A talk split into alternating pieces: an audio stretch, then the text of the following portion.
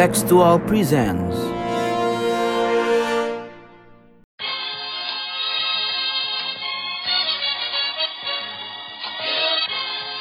sondern wir schaffen uns unseren Staat. Mr. Gorbachev, open this gate. Together, we will make America great again. Sudah cukup bagi kita untuk mengatakan bahwa winter is coming. Selamat datang di podcast Bebas Aktif. Yo yo. Yo. Datang ke mana nih? Selamat Datang ke Bali. Waduh. Dua detik langsung saya disindir. Eh, Wah, di di Bali beneran deh. Anjir. Gue kira tuh bercanda doang di grup wa- di grup WA. Bener bener bener. Beneran. Karena Lagi edisi spesial akhir tahun. lu, di Apa? di di Bali ngapain lo? Jenguk jaring. Enggak lah sama keluarga jalan-jalan sama keluarga. Eh, Sama orang tua dan adik-adik Hmm. gitu. Udah udah udah jangan fokus ke gue. Eh kita langsung masuk ke pembahasan. Ini episode eh, terakhir kita di tahun 2020 nih ya. Kita Yap. bakal ngebahas soal kaleidoskop eh, tahun 2020 yang wah udah nggak bisa pakai kata-kata lagi nih mendeskripsikan tahun 2020.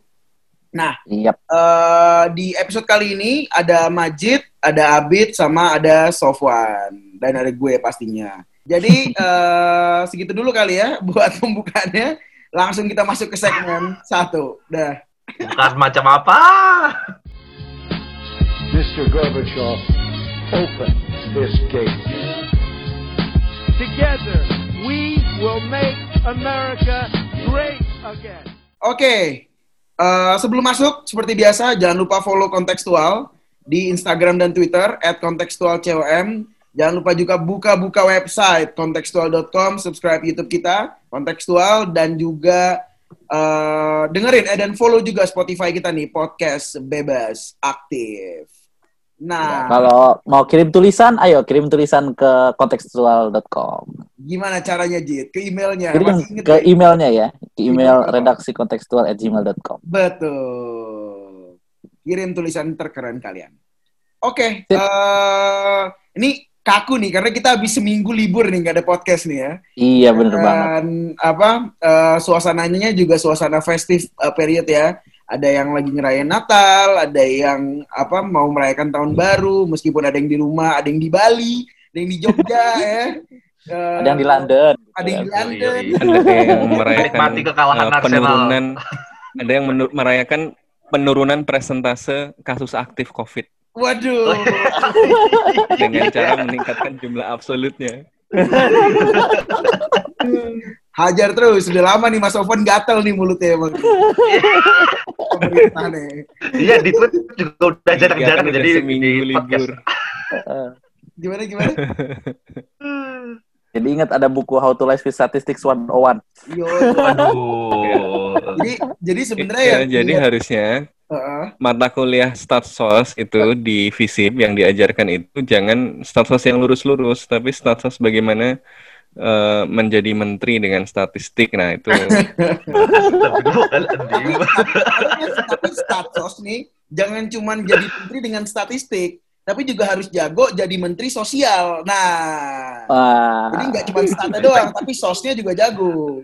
Iya. Karena kalau Ya. tapi Isuan ini gitu kan. basah ya. Kalau kemarin Respect, kalau- respect Bu Risma. Semoga sukses. Iya. Kalau kemarin kan kalau kemarin Burisma. lahannya basah eh, karena bisa jadi lahan korupsi. Kalau sekarang lahannya basah bisa jadi Hmm. DKI 1. Yo, Ya. iya. Waduh. Kaderisasi. Hey, kalidoskop, kalidoskop, kalidoskop, balik, balik, Oke. kalidoskop. Kita nggak baca Oke, ngomongin oke. masa depan dulu, ini Balik, ngomongin balik, balik. aja. Jadi jadi kita topik hari ini apa? Kita hari Iya, topik hari ini tuh apa? Kita hari ini bakal ngebahas eh, event-event atau apa ya eh, orang kejadian eh, atau apa ya momen lah ya di tahun 2020 yang mungkin eh, paling bukan berkesan dalam konteks positif, belum tentu juga dalam negatif, tapi intinya eh, semarak dalam ingatan kita bersama gitu. Nah. Iya, tapi memang tahun 2020 ini tahun yang istimewa banget ya. Eh, kalau boleh dibilang eh, waktu gue apa SMA dulu ada peristiwa 11 September tahun 2001 itu defining moment banget gitu di dalam kehidupan anak-anak yang hidup pada zaman itu gitu kan. Ya, ini ya kalau eh, lima tahun ke depan ini paper-paper anak-anak ilmu sosial dan ilmu politik itu pasti dimulai dengan eh, sejak tahun 2020 gitu. Iya. Pasti. Ya, itu bakal ngomongin tentang Kalau dulu kan pandemi. sejak 911 gitu. bener bener Bener banget. dan eh, dan ya kalau misalnya ngomongin satu momen ya pasti eh, seluruh dunia tak terke- tak terkecuali pasti patokan utamanya adalah eh, COVID-19 ya. Iya, Tapi mungkin benar. kita nggak ngelihat ke sana kali ya. Kita akan ngebahas nih malah sesuatu yang di luar COVID-19 karena em, Iya, banyak banget hal hal-hal lain yang sebenarnya terjadi selain yang berkaitan dengan COVID-19 dan Iya. cukup defining moment juga sih di tahun 2020 ini ya. Dan Iya, kita, kita- udah ah. kita udah apa kita udah lempar polling juga ke Twitter ya.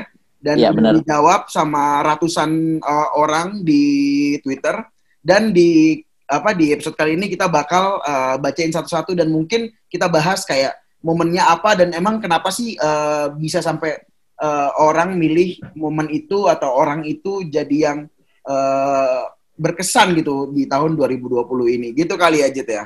Ya, bener banget. Karena ya kita mulai tahun 2020 itu kayaknya udah kita lupa itu Januari Februari padahal kita harusnya masih ingat ada banjir di Jakarta, ada kebakaran hutan di Australia, di Amazon, di macam di mana-mana tapi ya semua berubah ketika negara api menyerang. Eh, Oh, Jakarta banjir. Jakarta masih banjir. oh, masih dong. itu ada tradisi. yang jembatan. Oke, kita balik lagi. Eh, ada empat tema yang eh, kita tadi tanyakan di eh, Twitternya kontekstual dan sudah dijawab oleh ratusan eh, follower kontekstual. Ada yang pertama yang kita bahas pertama adalah the most world shaping event in 2020.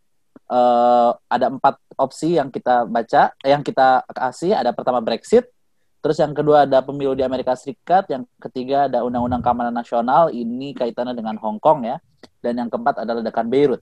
Dan eh, survei membuktikan ya, bukan Waduh, waduh, waduh, waduh. survei, survei eh, ini ya memberikan pendapatnya bahwa 19% memilih Brexit dan 75% tiga perempatnya memilih pemilu Amerika Serikat sebagai most defining moment sementara eh, UU Keamanan Nasional dan ledakan Beirut masing-masing 3%.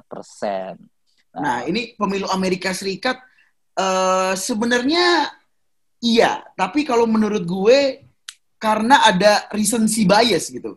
Ada bias Ah, iya. kebaruan yang membuat Iya. orang merasa eh, menurut gue, ini menurut gue, mungkin yang lain boleh menyanggah silakan yang membuat orang mikir bahwa ya ini nih eh, defining moments padahal kalau menurut gue sih Brexit lah pasti. Oh, Jelas dan dan dia mendapat deal Iya. dengan Uni Eropa. Jadi Kayak the, the, the world revolving ar- uh, around Boris kan. Iya, iya. Iya, Mas. Ya, em- emang gitu kalau ngobrol sama sama keponakannya Nigel Farage kayak gini, Mas. ya tapi tapi benar sih. Eh, ya di satu sisi memang benar kayak karena ini eh, world defining apa eh, world shaping juga karena ada transisi kan dari yang Trump ke Biden gitu. Jadi menurut gue eh, ya mudah-mudahan di tahun 2021 eh, memang beneran eh, ada shape baru lah ya yang Ya, dibawa sama sebenarnya kalau pemilu di Amerika Serikat ya udahlah itu kan tradisi empat tahunan rutin gitu ya. Sementara kalau Brexit ini kan ya sekali aja seumur hidup nggak bisa lagi kan dia keluar masuk keluar masuk dari Uni Eropa lagi. Oh, jadi Majid setuju sama Iya. gue nih ya? Tumben kali rakun. Nah, tapi tapi menurut gua nih, menurut gua eh, karena karena pertanyaannya adalah the most world shaping, Iya. menurut gua Brexit itu rada kurang karena mem- apa world shapingnya ada, ada, eh, se- seberapa jauh sih skala dan outreach dari Brexit Iya. itu, sendiri gitu. Mungkin dalam hal Uni Eropa dan eh, Inggris gitu sekarang itu mungkin itu itu punya punya dampak yang luar biasa besar gitu. Tapi gimana pun juga pemilu Amerika Serikat menurut gua tetap world- the most world shaping event sih walaupun belum kita belum bisa kita eh, uji ya karena kan ya belum tahu ini hasil hasil dari ya. pemilu ini eh, akan kayak gimana gitu eh, dampak-dampaknya gitu. Tetapi Ya, Yang kalau dilihat kita- dari hmm? Ya, dilihat dari kapabilitas material Inggris dan dengan demikian dampak eh, tindakan eh, eh, Inggris atau hubungan Inggris dengan Uni Eropa juga jelas berbeda ya dengan Hmm. eh, apa eh, posisi Amerika Serikat di dalam sistem internasional yang uh, saat ini mau tidak mau diakui sebagai uh, negara yang uh, paling besar kapabilitas materialnya gitu ya. Dan dalam beberapa tahun terakhir uh, di dalam situasi uh, dunia yang ditandai dengan uh, berbagai perubahan seperti uh, rise of China ya, yang kemudian uh, Cina-nya semakin asertif ya, ditandai dengan berbagai uh, tantangan yang semakin uh, apa mendesak seperti perubahan iklim. Ternyata uh, malah uh, ada seorang presiden namanya Donald Trump yang kemudian membuat kebijakan yang ya dampaknya terasa sampai kita gitu ya kayak uh, perang dagang itu kan jelas uh, ngaruh banget bahkan kebijakan investasi dan kebijakan perdagangan Indonesia itu dibuat dengan uh, asumsi soal perang dagang ini gimana caranya biar uh, misalnya uh, investor itu mengalihkan investasinya dari uh, Cina ya relokasi ke Indonesia bukan ke Vietnam gitu kan. Ini kan menunjukkan bahwa uh, apa yang uh, terjadi di Amerika Serikat itu berdampak uh, luas ya termasuk pada uh, Indonesia karena kemudian menjadi sesuatu yang dipertimbangkan di dalam perencanaan kebijakan bahkan di Indonesia gitu. Kan Brexit nggak nggak masuk tuh di dalam perencanaan uh, apa uh, program-program pemerintah tuh. Kalau kalau apa dampak perang dagang itu kan bahkan di um, apa konon katanya Pak Presiden marah-marah karena uh, orang-orang apa yang memindahkan pabrik bukan mindah pabriknya ke Indonesia tapi mindah pabriknya ke Vietnam gitu ya. Nah itu kan menunjukkan bahwa uh, ya mau tidak mau kita memang harus mengakui bahwa perubahan kepemimpinan di Amerika Serikat jelas uh, adalah sesuatu yang dampak globalnya uh, pasti lebih terasa gitu. Betul, dan negara-negara ya. di mana pun di dunia ini kan juga melakukan antisipasi uh, selama transisi ini kan. Artinya apa ya, ya kejadiannya di Washington, tetapi di belahan bumi lain itu negara-negara lain atau bahkan aktor non negara juga berupaya untuk mengantisipasi dengan bikin kebijakan baru, bikin movement baru, sebagai reaksi terhadap uh, apa yang terjadi di Amerika Serikat. Makanya menurut gue uh, ya deserve lah untuk jadi the most world shaping event tahun 2020 setelah COVID COVID-19. Nah, gitu. kalau menurut gue uh, yeah. kalau ketika gue memang uh, I mean while gue tetap setuju gitu ya dengan uh, pendapat Mas Abid dan Mas Sofwan soal uh, dampak dan implika, implikasi uh, besarnya besarnya dampak dan implikasi dari uh, pemilu AS ini menurut gue dampaknya Brexit yang perlu orang Indonesia pahami juga lumayan dan mungkin seluruh dunia pahami juga lumayan uh, besar ya terutama di implikasinya kayak misalnya uh, bagaimana uh, eh, UK dan EU treating uh, refugees misalnya. Yang tadinya uh, mungkin apa uh, mungkin harus uh, mungkin Inggris bisa menerima refugees terus kayak gak bisa itu pasti kan jadi sesuatu yang akan dibahas di level uh, nggak hanya EU dan UK tapi juga uh, di level global juga pasti dibahas. Terus juga soal protection uh, labor workers dan itu juga mendefinisikan sebenarnya kayak uh, lebih jauh lagi independensi negara masih berperan dalam uh, yeah. dalam dalam apa me, me, apa me, me, menetapkan sejauh mana negara ingin melindungi hak hak pekerja sejauh mana negara ingin melihat uh, uh, environment situation atau uh, climate change yang kayak gitu-gitu jadi kembali lagi ke negara dan itu dampaknya akan besar karena oh uh, ada nih yang bisa melakukan ini dan terbukti bahwa nggak perlu institusi level regional untuk bisa komit atas uh, workers rights atau tidak berkomitmen atas workers rights gitu kan. Jadi sebenarnya hmm. dampaknya juga uh, cukup masif melihat itu kayak uh, dan mungkin juga di sisi lain yang lebih sosbud kali ya kayak uh, upaya pivot to Southeast Asia atau East Asia-nya uh, UK kayak udah bikin trade deal sama Vietnam, ke Indonesia juga udah mulai woro-woro dan ke Jepang juga uh, ke Singapura. Itu juga membuktikan bahwa ada ada ada dampak di luar EU dan Britain uh, dari Brexit ini bahwa nah, mereka iya. jadi lebih uh, global and outward looking rather than uh, fokus di uh, Eropanya aja gitu dan mungkin uh, ya meskipun tetap gue setuju bahwa pemilu AS masih lebih kuat dampaknya uh, bahwa Brexit punya dampak yang uh, global secara masif, terutama nanti di tahun 2021, menurut gue harus jadi perhatian lebih banyak uh, scholars HI dan mungkin pengamat pengamat-pengamat politik pada umumnya sih. Gue merasa gitu. Ya, kalau saya mungkin Betul betul. persoal Iya. apa ininya personal aja karena eh, lagi daftar beasiswa ke Eropa dan Inggris itu jadi banyak perubahan term Oh itu Iya, berarti dampaknya dampaknya itu ya word shaping ya buat buat buat lo individual gitu. Majid World, banyak- Majid World, live iya live shaping buat budget. live share. karena sebagai pencari beasiswa ada banyak terms and condition yang berubah karena ada Brexit ini. Ya. Jadi banyak banget Oke. Iya, edisinya iya, tapi banyak juga eh, ngaruh juga itu kayak teman-teman yang kerja di kampus-kampus di Inggris Iya. itu banyak yang eh, sekarang apa ya reconsidering untuk eh, keluar Inggris tuh eh, dengan berbagai perubahan karena Brexit ini ya. Jadi eh, gue eh, setuju juga bahwa tentu saja Brexit ini adalah sesuatu yang punya dampak global. Tapi kan pertanyaannya the most gitu ya. The most betul. Uh, the most kan ya harus diukur ya kan ya harus yang dampaknya paling luas Uh, dan gue mau nambahin sedikit ya Uh, meskipun uh, Brexit punya uh, dampak global tadi mungkin le- lebih pas juga frame-nya dilihat sebagai bahwa Brexit ini adalah simptom dari uh, perubahan global gitu ya instead of uh, source of global change Brexit ini adalah simptom dari uh, global change tadi. Ya Brexit ini adalah manifestasi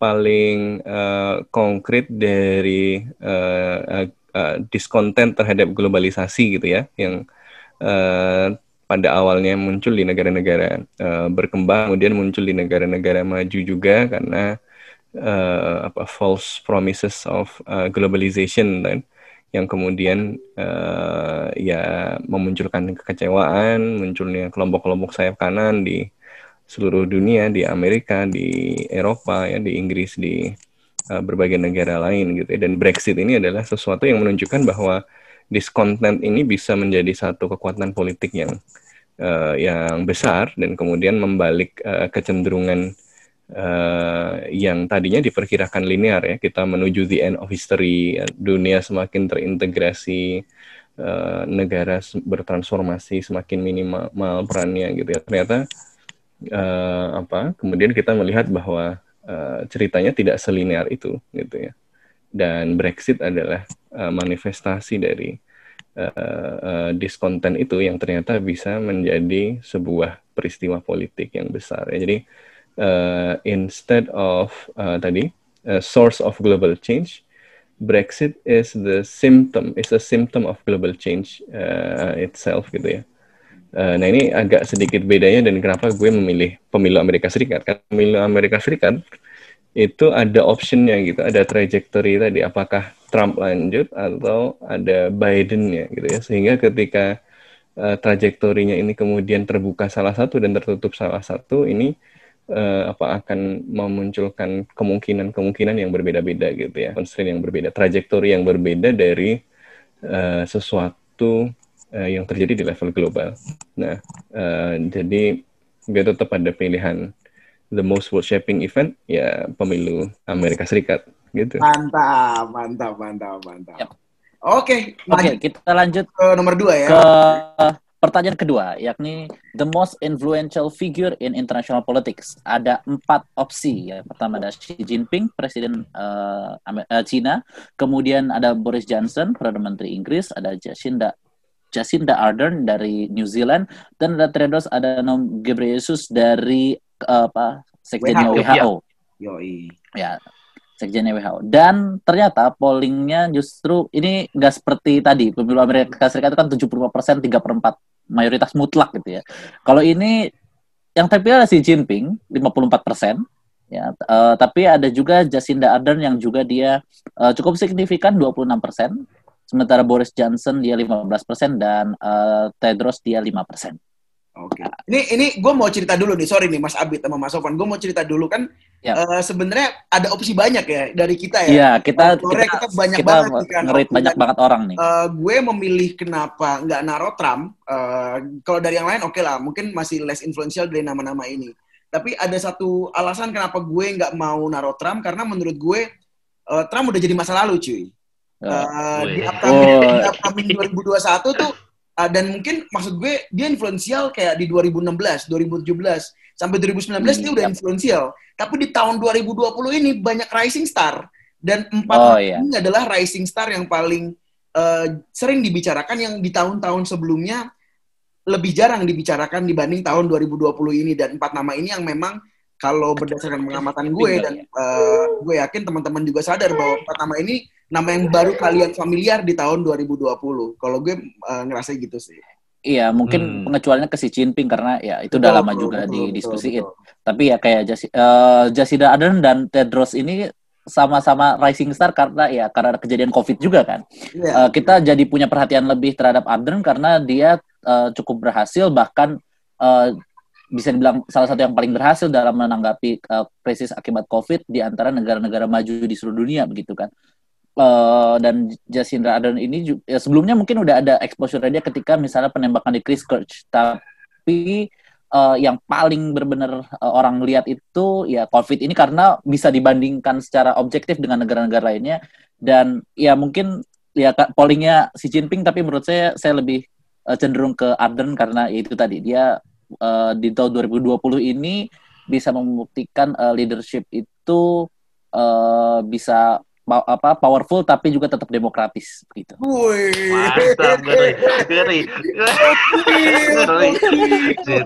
Luar biasa, Majid. Gue tadi menunggu-nunggu lo mau, mau, bahwa ya karena Jacinda Ardern juga merupakan pemimpin perempuan nggak muncul di statement Kalau oh, saya kalau Oh, saya Tapi mau minimal Majid mendukung. Demokrasi lah. Ya, Minimal minimal, sekarang. Majid mendukung demokrasi lah sekarang. Udah bagus lah. Alhamdulillah lah. Ini hidayah memang datangnya tuh datang dari arah yang tidak disangka-sangka. Oke, tapi menurut gue, gue Oke. setuju si Jinping tuh well deserved sih karena ya gimana pun juga eh, dia bisa menangani beliau, beliau bisa menangani eh, penanganan COVID dengan cukup bagus di negaranya walaupun kita bisa bisa bilang kalau di awal-awal ya ya eh, ada ada apa ya ada some sort of responsibility dari pemerintah Cina terkait kemunculan outbreak di awal ya. Tetapi kemudian eh, yang patut diapresiasi mereka bisa mereka bisa menghandle situasinya dengan baik dan bahkan ada foto yang sangat surreal menurut gua. Eh, beberapa waktu yang lalu gue lihat di sosial media itu eh, itu eh, di Wuhan itu udah, udah ada party gitu Oh iya, jadi pool itu kan party gila banget. banget. Sedangkan di, yang ada party terus kemudian di, dikontraskan dengan situasi di New York sama eh kalau di, di New York di Paris yang lengang banget gitu. Jadi Ya, ini lagi lockdown. biasa sih. lagi, lagi lockdown nih ya. Jadi menurut gue si Jinping ya well deserved sih sebagai the most influential figure in international politics. Walaupun yang nomor tiga gue nggak sepakat ya Boris Johnson ngapain ada di situ ya. Macron, eh Macron juga cuy. Oh iya, yang ini ya Gara-gara omongannya waktu itu Bentar, bikin bentar. heboh. Kalau kalau kalau ngomongin Macron, Macron udah tenar dari 2016 juga. Boris baru Iya. jadi tahun ini. Gue tahu, tapi influential figure kan. Kan Masanya Iya. Macron tahun ini tuh memicu keresahan dan reaksi Uh-uh. dari Eh, Islamic eh, world, bro. tiga setengah Uh-uh. tahun nih, tiga setengah tahun. Itu Brexit kagak lancar-lancar. Terus tahun 2020 sama dia sekali jadi. Oh. Tibit, Ya, nanti kalau tahu ini nggak selesai-selesai, Bit. Macron nggak Iya. apa-apa. Kita punya bias masing-masing. Mas. Menurut Mas Roman gimana, Mas? Gimana Mas? Ini sebenarnya eh, hampir merupakan pilihan yang nggak terlalu susah ya karena ya dilihat dari apa dampaknya kepada eh, politik internasional maupun eh, dampaknya kepada hal-hal yang lebih konkret di eh, keseharian kita. Agaknya eh, Xi Jinping adalah pilihan paling eh, gampang gitu ya Eh, karena yang dilakukan oleh eh, Tiongkok jelas sangat berpengaruh ya. Dia menjadi asalnya COVID tapi menjadi negara yang eh, kemudian bisa menanganinya eh, lebih eh, cepat dan kemudian sekarang malah menggunakan eh, vaksin dan berbagai eh, hal lainnya sebagai bagian dari diplomasi untuk pengaruh eh, penguatan pengaruh dari Tiongkok gitu ya diplomasi vaksin, diplomasi masker dan macam-macam itu. Jadi eh, tentu saja dengan dunia yang diwarnai dengan eh, apa the single eh, eh, greatest event yang namanya COVID gitu, ya jelas eh, apa yang dilakukan oleh Tiongkok ini di bawah kepemimpinan Xi Jinping ya jelas merupakan sesuatu yang eh, sangat signifikan gitu ya. Jadi eh, tentu saja ya pilihan yang nggak terlalu sulit ya eh, ke Xi Jinping. tapi di sisi lain penting untuk dikasih catatan juga bahwa most influential here uh, itu tidak berarti apa uh, uh, positif 100% gitu ya. Maksudnya gini. Yap. Uh, bukan cuma karena positif atau bukan karena tindakan aktif atau presence gitu. Ketidakhadiran sendiri ya, itu juga kemudian uh, menjadi sesuatu yang uh, meningkatkan uh, apa ya? menunjukkan bukti betapa influentialnya itu gitu ya. Misalnya uh, di tengah uh, penurunan peran Amerika Serikat sebagai uh, pilar dalam uh, sistem internasional dalam menghadapi pandemi harusnya kan uh, uh, kekuatan lain ya termasuk uh, Tiongkok ini bisa step in untuk menunjukkan uh, kepemimpinan uh, dan membangun koordinasi global yang baik dan ternyata uh, malah ya Tiongkok tidak memanfaatkan kesempatan itu gitu ya uh, dan kita melihat uh, ya koordinasi internasional yang uh, yang berantakan karena Amerika Serikat dan Tiongkok dua kekuatan paling dominan dalam sistem internasional malah uh, fokus pada uh, keributan di antara mereka. Kemudian juga uh, Xi Jinping juga uh, mencatat apa ya uh, tercatat pas awal-awal COVID itu uh, tidak terlihat terlalu bertanggung jawab gitu ya. Uh, pas masih jelek itu kan bahkan dilaporkan si Xi Jinping ini eh, nggak uh, terlalu nongol di publik baru setelah isunya terkendali COVID-nya terkendali baru uh, muncul kembali gitu uh, termasuk baru-baru ini kan ada berita soal apa citizen journalist Tiongkok yang melaporkan kondisi Wuhan di awal-awal ini masih masuk uh, penjara gitu ya tapi juga tetap saja ini menunjukkan bahwa Xi Jinping adalah uh, figur yang sangat berpengaruh ya. Kita lihat uh, upaya perubahan dalam uh, revolusi Hong Kong ini kan gagal. Our time ya, di bendera-benderanya Hong Kong itu ya, ternyata berhenti dengan uh, anti klimaks uh, ya karena kebijakan Tiongkok yang seperti itu ya menunjukkan betapa powerfulnya dan betapa influentialnya uh, pemimpin uh, di uh, RRT ini. Ya, jadi pilihannya agaknya nggak sulit untuk milih uh, Xi Jinping ya. Ya. Dengan catatan-catatan uh, kompleks. Ya, Mas Oman tapi setuju sama Majid tadi nggak? Apa yang mana? Oh, yang uh, Jacinda. Uh, saya kira ya juga. Uh, Mantap. Saya kira uh, Jacinda punya dampak yang uh, signifikan ya, terutama menunjukkan bahwa ukuran-ukuran uh, power itu tidak selalu uh, gampang kita ukur gitu. Uh, jadi misalnya orang expect semakin kuat kapasitas negaranya, ya semakin uh, mudah dia mengatasi uh, berbagai tantangan global ya seperti uh, pandemi. Tapi COVID-19 menunjukkan bahwa Amerika Serikat berantakan gitu ya, uh, dan uh, beberapa, beberapa negara yang dianggap sebagai negara-negara dengan kapasitas besar ternyata berantakan juga. Gitu. Uh, tapi pada saat yang bersamaan menunjukkan bahwa kalau leadershipnya oke, okay, ya leadershipnya mendengar uh, sains ya, kemudian mampu memobilisasi uh, sumber daya publik ya dan institusi dengan baik ya, ternyata bisa melakukan kebijakan dengan baik. Jadi poin pertama adalah dia menunjukkan bahwa uh, kapasitas institusi ya, dan kepemimpinan itu lebih penting daripada uh, distribusi kapabilitas material yang uh, yang terlihat di permukaan. Ini satu. Ini ini akan sangat penting konsekuensinya karena nanti uh, di tengah dunia yang uh, mengalami uh, shift dalam uh, balance of power, uh, kalkulasi menjadi tidak bisa uh, apa lebih sembarangan. Ya, kalkulasi harus mempertimbangkan ini gitu. Indonesia misalnya tidak lagi uh, akan otomatis menjadi leader di ASEAN Nah, orang akan ngelihat loh Vietnam lebih kecil, emerging economy gitu ya, uh, ternyata bisa uh, mengelola COVID dengan lebih efisien misalnya. Uh, ya tadi Selandia Baru. Ini yang pertama.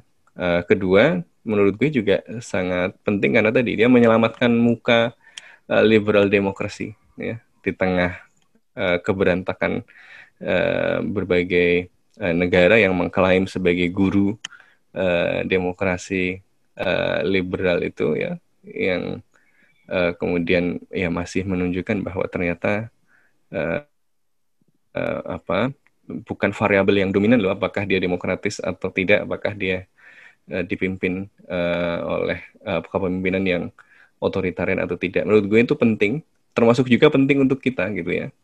Karena uh, semua justifikasi untuk membenarkan otoritarianisme itu kan harus segera dicegah gitu. Karena ada kecenderungan orang-orang uh, yang rasanya uh, mengambil setiap kesempatan untuk menjustifikasi otoritarianisme jadi oh, siapa kayaknya, tuh siapa uh, kayaknya harus uh, jadi jadi ini blessing juga ada Jacinda nih. Oh ini loh demokrasi bisa kok. Jangan beralasan kalau uh, ya kan kadang-kadang kan kita gini oh kenapa kita parah? Wah warganya nggak bisa diatur. Coba kita kayak Tiongkok tuh boleh nembak yang uh, di luar jalan-jalan. Wih masalahnya bukan boleh nembak atau enggak gitu ya. Masalahnya uh, lu nggak dengerin saintis dari awal. Masalahnya lu nggak hmm. dengerin ahli kesehatan dari awal gitu. Bukan soal uh, lu apa nggak nggak diperbolehkan untuk bertindak tegas.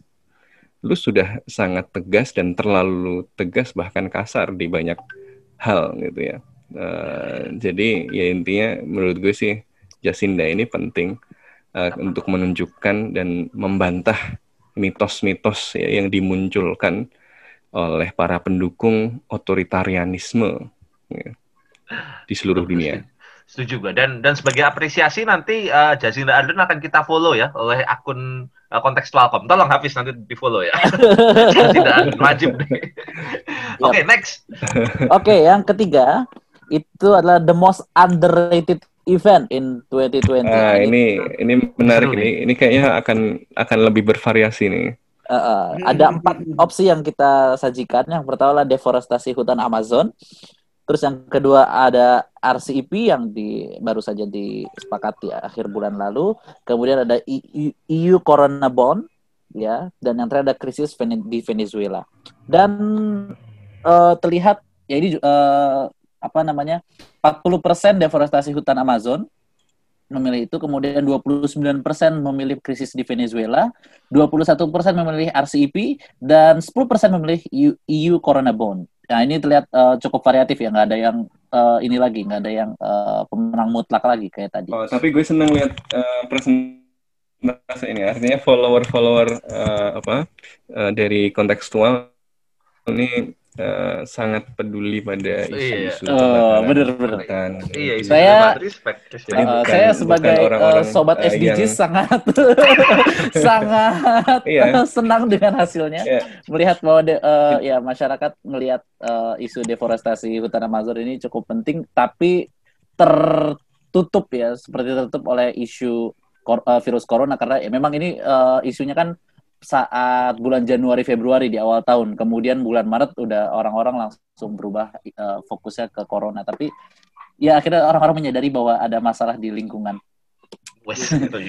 Ya, ya. ini ini menarik karena kalau jawaban dari pertanyaan pertama dan kedua tadi yang menunjukkan uh, bias yang sangat kuat pada aspek interstate dari global order gitu ya uh, aspek uh, apa sistem antar negara uh, di dalam tatanan uh, global ya. Kalau Robert Cox itu kan bilang ada tiga sphere yang saling berkelindan dan saling mempengaruhi dalam tatanan global ya. Ada interstate system, ada global political economy dan uh, ecological system.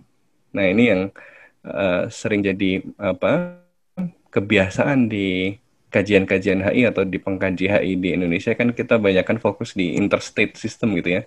Maka siapa yang paling berpengaruh ya kalau nggak Xi Jinping, Trump atau Biden ya kan. Kalau ya. peristiwa apa yang paling ini ya pemilu Amerika Serikat dan seterusnya gitu. Makanya gue senang sekali pas uh, kemudian uh, kita ternyata bisa melihat lebih luas dari itu ya pas pilihan most underrated event tadi uh, ke uh, kebakaran hutan Amazon karena ini signifikan uh, sekali ya Uh, dan ini menarik sekali karena juga um, apa kepagaran ini terjadi pada periode ketika uh, uh, Brazil ini mengalami pembalikan uh, uh, tren ya. Brazil itu Amazon itu uh, pada periode sebelum uh, Bolsonaro ini berhasil menurunkan laju deforestasi eh, karena kebijakan-kebijakan yang eh, apa lebih pro eh, lingkungan gitu ya. Jadi ketika kemudian terjadi eh, kalau boleh dibilang kudeta eh, konstitusional gitu ya, yang kemudian membuka jalan bagi Bolsonaro untuk berkuasa, kebijakannya berubah. Dan kebijakannya kemudian menjadi lebih bersahabat pada investasi dan pada uh, eksploitasi sumber daya alam, termasuk uh, di uh, Amazon ini. Dan akibatnya ya kemudian kita uh, uh, melihat uh, dia menjadi lebih rentan, lebih rawan, dan akhirnya terjadi kebakaran uh, besar di Amazon ya, salah satu hutan tropis terbesar di uh, dunia. Ya, yang menarik Ya, ini kita tunggu, menunjukkan kita tadi tunggu. tidak ini bukan cuma fenomena alam. Ini bu, ini signifikan juga karena eh, bukan cuma fenomena alam. Ini signifikan juga karena ini menunjukkan bahwa ada keterkaitan erat antara bagaimana kita mengelola hubungan antara manusia dengan manusia eh, dengan hubungan antara manusia dengan makhluk non manusia ya. Cara kita berinteraksi dengan sesama itu menentukan bagaimana hubungan kita dengan semesta. Kira-kira gitu Gila, yang menunjukkan betapa tertanamnya sistem uh, politik internasional eh, dan nasional itu pada sistem ekologis sehingga kita uh, seharusnya tidak bisa abai dengan itu. Jadi good choice uh, conference. Salut salut. Ya, Gimana Mas Ya, Habib? ya gue tadi sangat menantikan pendapat dari Hafiz terkait ini. Ternyata itu toh. iya, gue gue gue pendapat gue gue menantikan pendapat Hafiz aja. Kalau Hafiz mas sepertinya EU Corona Hafiz Bonds yang paling ini mas. Kalau gua Gimana? Gua, gua kan eh, gua nih kalau apa kalau pengen berkaca sama panutan ya eh, Mas Boris ya. Dia itu eh, selalu self proclaim dari dia di Oxford. Dia selalu self proclaim bahwa dia adalah green Tory. Jadi eh, atau environmentalist Tory karena eh, terbukti juga kan di London dia eh, mengikis eh, apa banyak ruang-ruang jalan umum jadi lajur sepeda dan pokoknya kebijakannya yang eh, Yap. pro pro lingkungan dan menurut gue pribadi ya bukan lagi mengacu pada Boris atau pada ideologi. Menurut gue memang eh, ada apa ya ada yang salah nih sama sama Brazil menurut gue. Kayaknya eh, gue nggak ngerti gimana caranya ada seorang seperti Bolsonaro yang bisa eh, bisa tetap eh, nyaman gitu ya. Maksudnya tidak mendapatkan outrage dari ada sih outrage dari tapi gue malah lebih banyak dengar dari negara-negara lain gitu bukan dari kayak eh, dari rakyatnya sendiri atau dari eh, oposisi misalnya. Dan eh, yang menjadi khawatir dari gue juga adalah karena eh, gue pernah baca satu artikel di Foreign Affairs kalau nggak salah yang bilang kalau eh, eh, deforestasinya the point of no return bro. Jadi bisa jadi eh, deforestasinya ini sampai titik di mana si hutan Amazon bisa jadi eh, sabana udah nggak lagi jadi hutan. Karena eh, apa curah hujan yang harusnya menghidupi hutan Amazon akan turun dan membuat eh, ya seluruh ekosistemnya berubah jadi padang gurun eh, padang Iya, padang, uh-uh. padang sabana dan menurut Jadi gue kalau misalnya itu beneran kejadian ya yang yang hancur bukan cuman eh, Brazil gitu kan tapi sebenarnya nah menurut gue emang penting sih bahwa semoga Uh-uh. tahun 2021 ini nggak lagi jadi underrated dan eh, banyak hal yang bisa dilakukan ya. Untuk- tapi ada satu hal juga yang perlu kita ingat bahwa Brazil ini bisa terekspos itu karena memang dia langsung besar dan langsung eh, ini ya parah juga karena ya kebakaran hutannya benar-benar parah begitu. Iya, iya. Tapi jangan juga dilupakan bahwa setiap tahun itu yang namanya deforestasi tetap terjadi di daerah tropis lainnya Benar. eh, selain Brazil begitu ya. Dan ini kurang mendapat perhatian ya karena lagi-lagi itu tadi kita lebih eh, ramah kepada investasi yang jangka pendek tapi melupakan bahwa yang namanya hutan itu adalah investasi jangka panjang. Ya karena investasi jangka panjang juga jadi nggak bisa dijadikan eh, janji lima tahunan begitu ya per growth-nya. Ya, jadi itu yang perlu diperhatikan juga sih sebenarnya. Gila, gila, gila. Gila, Jadi gila, gila. oh, Anak Eh, lu, SDGs. apa yang lu konsumsi tadi pagi, Jit? jadi Yap. di Omnibus Law ini sik- ini juga underrated event juga tuh.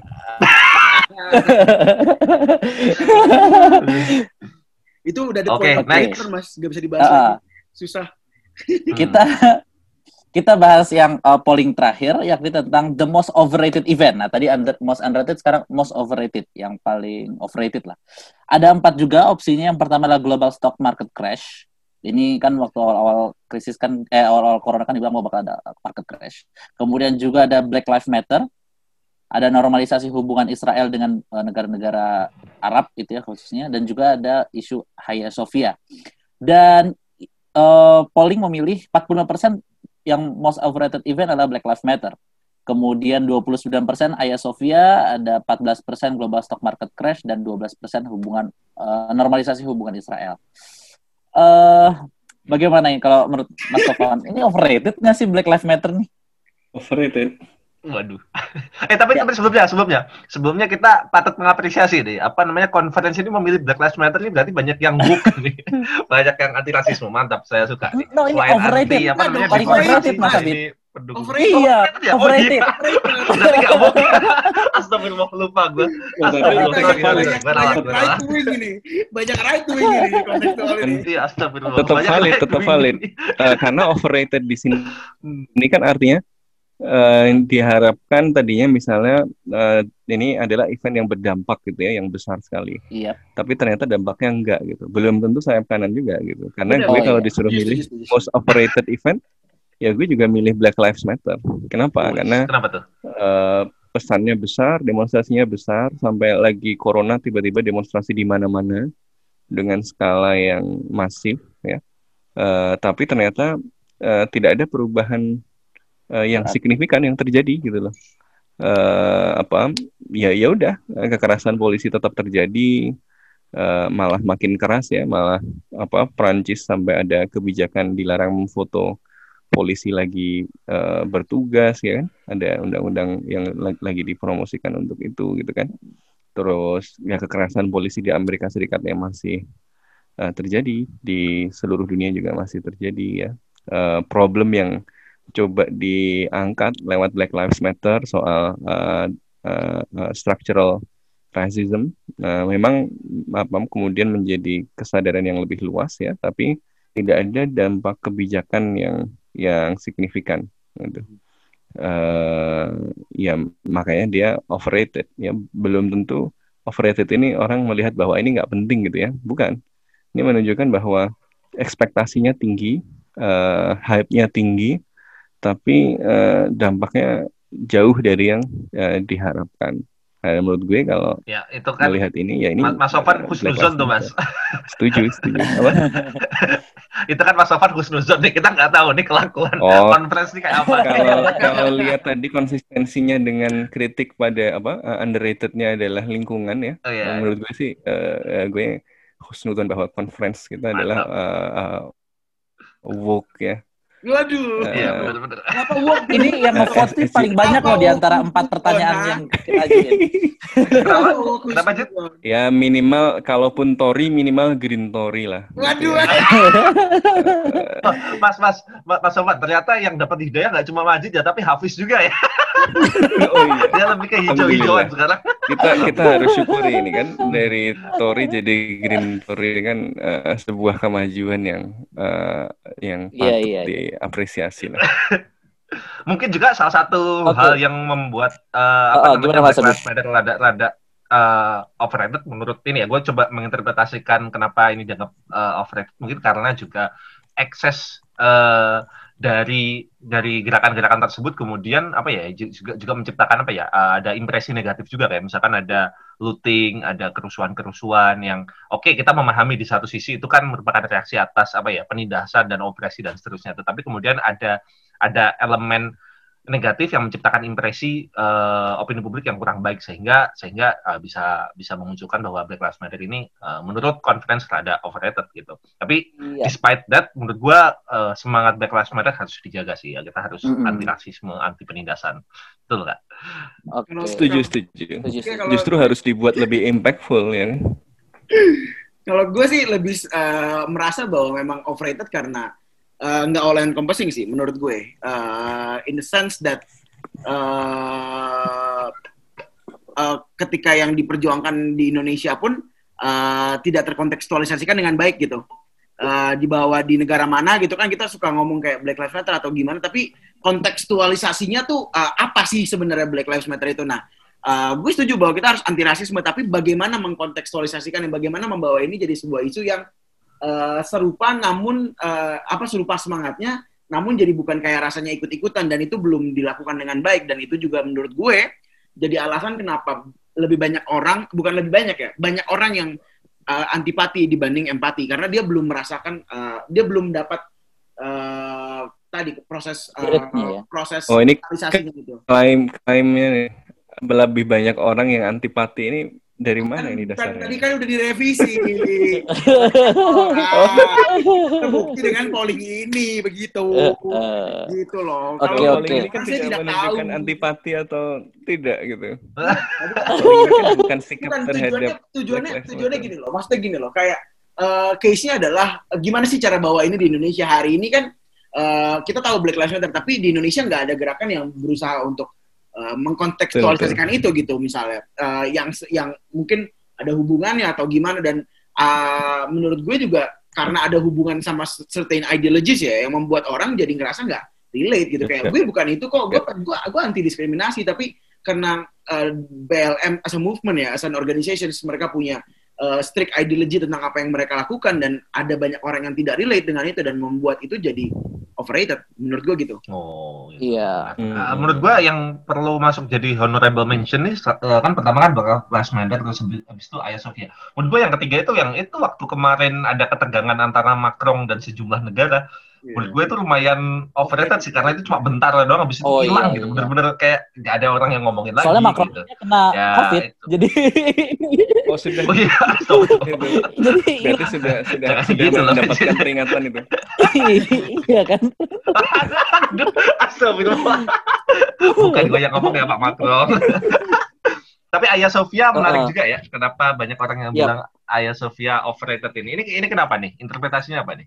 Ya karena eh, apa? Oh, apa kita sambungkan ke Mas Agung sempet- sekarang? sempet ramai. Mas Agung. tapi terus ya udah nggak ngaruh kan tidak me- tidak memberikan dampak Iya. pada Iya, benar-benar. posisi Eropa misalnya terhadap Tiongkok ya Rusia tetap tetap aja eh, jualan senjata dan kerjasama dengan eh, Turki ya kan Eh, ya tidak mengubah peta eh, konflik atau peta hubungan di eh, kawasan maupun di internasional gitu ya walaupun Mm-mm. sempat rame ya jadi menurut gue Ya, sama overrated sih, sama menurut underrated ini yang- bukan soal suka nggak suka sih Eh, jadi bukan soal simpati dan Oh. antipati menurut gue sih overrated underrated ini bicara soal eh, Ayub- apa ayub dan hype-nya itu sesuai nggak sih Ah, sama iya. impact-nya gitu Benar. Ya, ini kalau Um, isu Ayah ah. Sofia ini kan hype-nya tinggi juga gitu ya kayak eh, Black Lives. Matter tapi dampak signifikannya itu sebenarnya nggak nggak terlalu kelihatan gitu ya ke hubungan eh, internasional atau hubungan Turki dengan yang lain maupun misalnya hubungan antar agama itu juga nggak ngaruh maksudnya ya biasa aja gitu Eh, nggak ada konflik-konflik baru yang muncul karena itu gitu kan. Iya, Betul. Menurut gua juga yang Mungkin tadi juga belum kesebut tadi- mungkin yang belum kesebut di underrated ya. Ini Uh-huh. underrated ya yang mau gue bilang. Yang kayaknya underrated belum disebutin tuh itu Armenia Azerbaijan tuh. Menurut gue itu rada rada underrated karena kemudian di situ Rusia jadi apa namanya jadi besar aktor ya. paling penting di situ kemudian Turki dan Uni Eropa dan Amerika Serikat nggak cawe-cawe tapi ya itulah itu honorable mention aja lah Mantap. Uh, uh. Oke. Nah mungkin tadi uh, sedikit uh, bicara tentang yang Black Lives Matter itu kan tadi dilihat bagaimana sebenarnya itu mungkin semacam evaluasi ya buat uh, ide-ide progresif itu buat dia bisa lebih kontekstual dengan uh, kondisi lokal gitu tidak sekedar ya karena sering kali karena dia merasa sudah progresif banyak mengeksklusi banyak hal jadinya orang-orang merasa jadi nggak simpati karena belum apa-apa udah dieksklusi duluan begitulah kurang lebih Majid siap Mantap, warnain rambut nih bentar lagi nih. oh ngapain rambut keren keren keren ubanan ada juga Majid sekarang udah gondrong loh guys, dengerin. Dengar Majid sekarang udah gondrong, bentar lagi tinggal Ya. jadi abang-abang. Oke. Eh, itu ya kurang lebih empat eh, voting kita yang kita eh, berikan di eh, Twitter kontekstual. Terima kasih teman-teman conference yang sudah memberikan suaranya. Menarik ini lebih dari 100 orang yang berpartisipasi padahal eh, votingnya hanya kurang lebih 8 jam ya. Heeh. Dan sebelum kita tutup, kita ingin apa, mengucapkan terima kasih kepada para pengunjung website kontekstual karena eh, selama setahun terakhir ini kita mengalami peningkatan pengunjung yang cukup signifikan ya dari bulan Januari tahun 2020 itu kurang lebih masih seribuan pengunjungnya setiap bulan. Sekarang Di kita sudah ya, Jit ya. Iya di website. Hmm. Sekarang sudah rata-rata di atas 5.000 pengunjung per bulannya. Bahkan puncaknya di bulan Mei 2020 itu adalah 13.478 pengunjung dalam satu bulan. Kita terima kasih banget nih kepada conference yang sudah berkunjung dan membaca tulisan-tulisan yang ada di kontekstual. Dan ini tidak juga tidak bisa dilepaskan dari teman-teman yang memberikan tulisannya kepada website kontekstual baik di opinion maupun scientific writing sampai kita menemukan ada eh, tulisan di opini yang paling banyak dibaca ialah tulisannya Hafiz Mulia eh, mengenai menganalisis sesat pikir Mardigu dalam tiga level kajian hubungan internasional ini tentang waktu itu eh, pernyataan dalam salah satu video di YouTube gitu. Kemudian juga yang kedua dari scientific writing yang paling banyak dibaca ialah tulisan dari Demas Novarian tentang Belt and Road Initiative di Afrika. Nah, kemudian juga engagementnya, engagement website kontekstual, ini ternyata sudah keliling dunia nih. Karena setidaknya sudah ada, ya belum sampai lima benua sih, tapi dari setahun ini, dari di atas 36 ribu pengunjung, lima, eh, da- dari 36 ribu pengunjung yang baru ada begitu ya, yang baru datang di tahun ini, 57 ribu pengunjung dari Indonesia, 4.695 dari Amerika Serikat, ada 1.500 lebih dari Taiwan, ada 1.000 lebih dari Tiongkok, dan dari Jepang ada 500 lebih. Artinya tidak hanya dibaca oleh teman-teman yang ada di Indonesia, tapi juga di banyak negara seluruh dunia. Mungkin mahasiswa Indonesia di sana, atau juga diaspora Indonesia di sana. Ini kita terima kasih banget. Dan untuk itu kita juga mengundang teman-teman buat, ayo kita nulis ke kontekstual, karena dibaca oleh banyak banget orang di seluruh dunia, dan semakin inilah, uh, meningkatkan exposure kita gitu ya terhadap uh, apa tulisan kita, gagasan kita untuk lebih didengar tidak hanya dari uh, teman-teman mungkin selama ini kalau kita punya ide yang dengar teman dekat aja gitu ya. Ini kita didengar apa ide kita dibaca oleh ribuan orang dari banyak negara di seluruh dunia. Terima Iya, kasih sama satu lagi, sama satu lagi. Oh ya sama gimana satu lagi uh, apa namanya? Jadi nggak hanya ngirim-ngirim tulisan, tapi kalau ada yang mau collab pengen gabung sesekali sama kita, boleh aja DM aja Oh nanti iya. di sosial medianya. Bener Siapa banget. tahu kalau menarik nanti kita bisa ngobrol bareng. Iya. Oke, segitu dulu Mantap. untuk podcast Bebas Aktif episode kali ini. Terima kasih Majid, Mas Sofwan, dan Mas Abid atas tahun 2020-nya. Eh, kita mengenal Zoom di tahun 2020 ini. Kita mengenal juga banyak sekali narasumber ya dari Rayestu, teman-teman eh, sesama scholars HI, Mas Agung, Naifa, honorable mention ya Maulana Ibrahim juga, eh, dan Hmm. mungkin nama-nama yang Givari. dan Givari juga. Eh, terima Gilang kasih banyak Lukman. juga. Apa siapa lagi? Gilang Lukman, Gilang Gilang. Oh Lukman. iya, Gilang Lukman. Gilang, Haifa Oxford. Oh, Haifa Institute. Sobat saya tuh. My bro. Jadi Iya. eh, mudah-mudahan di tahun 2021 kita juga bisa kolaborasi dengan lebih banyak pihak, lebih banyak pandangan dan juga lebih banyak isu-isu lain yang seru-seru juga. Ya, dan Iya. supaya Dan- kita bisa tidak harus berpikir sama tapi berpikir bersama-sama. Mantap. Ya paling Ya, dan, dan, dan, dan gue mewakili eh, yang lain-lain mengucapkan selamat Natal dan Tahun Baru untuk Mantap. semuanya. Selamat Iya. Natal dan tahun baru. gue aja yang bilang gitu. Oke, segitu dulu untuk episode kali ini. Sampai jumpa di tahun depan.